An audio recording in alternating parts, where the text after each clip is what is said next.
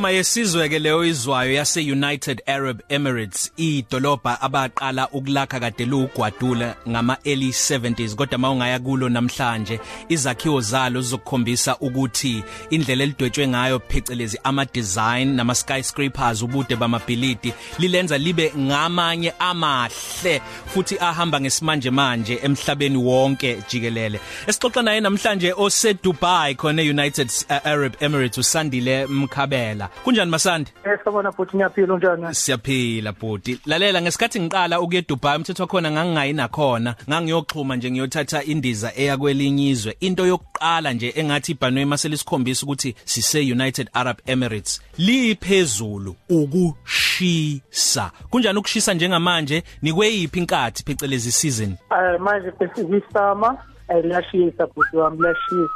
Utho ukuthi bathi eh, 32 degrees but mophuma phandle ngathi 54 yashisa nje 36 degrees. Kuyashisa futhi kodwa kuyafika ku 52 degrees yabo but mawuthi ubheka iphone futhi ayiboni nokubona ngathi baqamba amanga la. Kodwa ayibona kuyashisa futhi wami. Angazi noma kuyiqiniso yini kodwa sengike ngezwe ukuthi i- i- i- baze be- babenza ukuthi imoto ukwazi ukuyidumisa ungekho phakathi kuyona u- usasendlini ukuze mawufika ufika umoya obandayo lo i-aircon isivele isipholisile kuyiqiniso? Yebo iqiniso. Most of them i- imoto eziningi zalayo lezi amaphoyisa na bahamba neimoto e- e- ezinzima kakhulu. So yizo lezo ukuthi makune case basheshe ukuthi yonke into bayithole iseready basuka okay. Mfowethu m- u- mkhabela ungowakuphi la eningizimu Afrika? Futhi yini lesi kuthathe yayo kubeka kuleli izwe lase United Arab Emirates? Oh mina bhuti wami ngwasemarisburg e-ashdown enyuluka mm. So ngiku ngiku-hospitality nje kahle kahle ngisebenza ehhotela yabo ngibuild career yami nje la ehhotela yeah so iyona into eyangiletha lana-ke. Tshela mina ke mfowethu mawuf- mawufika lapho yini yakuhlaba umxhwele nje yokuqala ngale kokushisa ke kwiDubai nje nezwe lonke lase United Arab Emirates. Yabona nje isakhiwo sala amabhilidi Mm. ayahlanyisa kakhulu. Ngokuthi uma ufika nje e-airport ubona uh, ama-arabic wona abingelelayo welcome e- ezweni labo.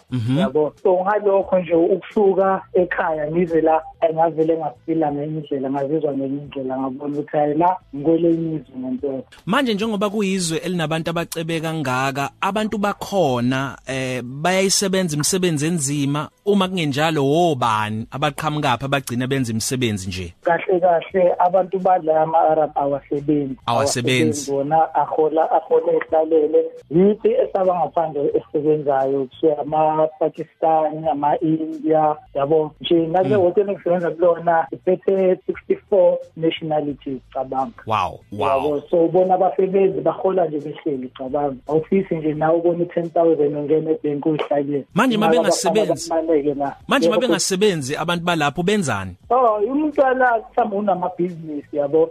Ayinvest imali yakhe. Mostly abafana balana kama ama local so ukuthi bakuma ama bitcom trading siyabona nje dlalwa ngemali. Dlalwa ngemali. dlalwa ngemali nje futhi ayilalela nje avukeke.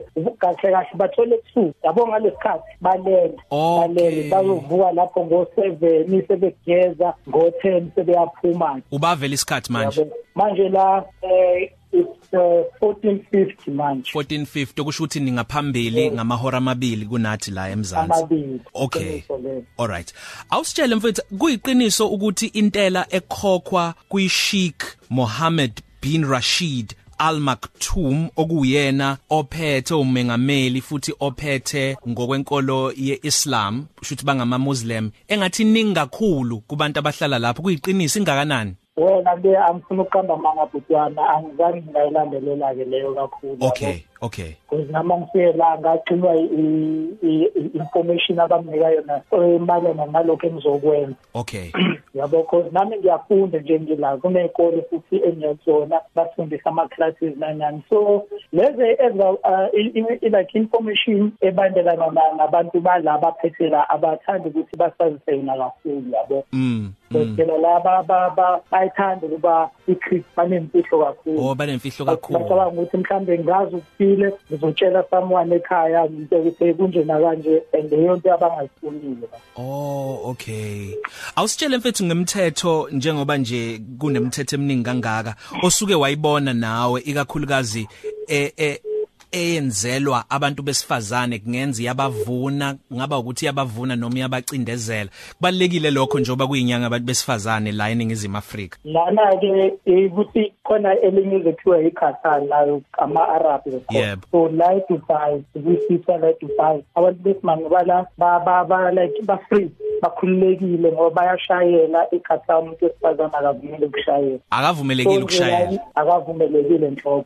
La bayashayela kodwa kunama rules mawungashadile akumelanga uyibandakanye nomuntu wesimame akumelanga umbambe ngisho naye. Mawumbona sithi nahlangana nomuntu wesimame uzomxhawula akufune yelo unless yena athi yazini uyaxhawula kulesi sandla sawukwenza yilapho uvumeleke miningi imithetho yalayo ingakucindezela kakhulu nawe yabo kodwa-ke ngathi esayidini lami ngavele ngisayi abantu besimame bayabavuna ngempela bayabahlonipha kakhulu. Yeah. Kwezikaqeda isizungu sivamsile ukubona iDubai ukuthi eh ama music videos eh amafilimu ngiyakhumbula nje iFast and the Furious ke kwakhona la khona beba khona eDubai. Kubonakala sengazuthi Oh, yeah. osaziwayo bayathanda ukuyiveza ngoba isemgangathweni. Na into engifuna ukuyazi? Uba khona kanjani? Iba khona kanjani nightlife nezikaqeda isizungu? Kube kunalemthetho enzima kangaka yeinkambi kaFaro? Lana-ke i-entertainment iningi kakhulu Mm. iningi kakhulu kodwa yonke into ine-license yakhona. Okay. Fana namanje uthi ngiyothenga utshwala mangingenayo i-license. Angivumelekile ukuthenga utshwala. Njengomuntu nje kumele ube Mangafika- nelicense njengo nje- nje- njengosandile nje kumele ube nelicense yokubuthenga yebo njengiyimi nje anginayo i-license uma bengangibona ngithethe utshwala ngiyaboshwa. And futhi umthetho wala uthi uma uboshiwe udonsa unyaka wonke uma seqeda badeport bakubuyele ekhantini yakho. unyaka wonke? Unyaka wonke. No negotiation abayizame nje nokuthini and then mawuthi uyaphuma uhambe eklabhini ufike uphuze lapho bakubona emgwaqweni udakiwe icala elikhulu lelo yo so manje yonke into nje futhi la ey inomthetho kakhulu kodwa i-entertainment yini so hamba uye eklabhini uyijabulise uphuze kodwa ungadaki usuke waye ePalm Island la khona eh kukhona lawa amahotela lawa ya angazi awo 8 star noma awo bani futhi ama design awo mahle ngendlela eyisimangaliso. Usuke waye kwabona yebo sadlula besihamba sifika bekutorisa yonke iDubai besibonisa kodwa zange singene phakathi kodwa wona sawabona. Kunjani ukubiza ke nje mfethu ukubiza nje izinto lana into ebizayo indawo yokuhlala Oh. namahotela abiza kodwa ukudla kucheap Okay. No, Sandile Yebo. usinikezile mfethu isithombe esicacile. Umgungundlovu ngifuna uku produce umgungundlovu asushayela izandla ngoba ngicabanga ukuthi umuntu kafolo osabalele namazwe omhlaba ophumile eningizimu Afrika esixoxa naye kule ngosi ye Global Citizen. Salithi ukhonza ke mfethu ekhaya eShdown. hayi hashtag ah ilisi mini kuthi ngashona ilanga noma semele ngene emsebenzini kodwa ngathi sawubona gogo uEsther ngathi enyuluka Siyabonga Yeah. kakhulu mfethu uphathe perfume lapho ke. Hayi iudi ngiyezwa bahamba phambili. hayi yazi ngane khatha kanjani la bafana balabanye kanye izinto nje bakubless babless Hayi nami Yeah, ungi bless. nama ungiblessa ke nje mfowethu. Masubuyile ngeperfume eyodwa nje. Siyabonga kakhulu Sandile Mkhabela. hayi bonge mina futhi ngibonge mina nibe right ngalapho Sha. Positive Cafe.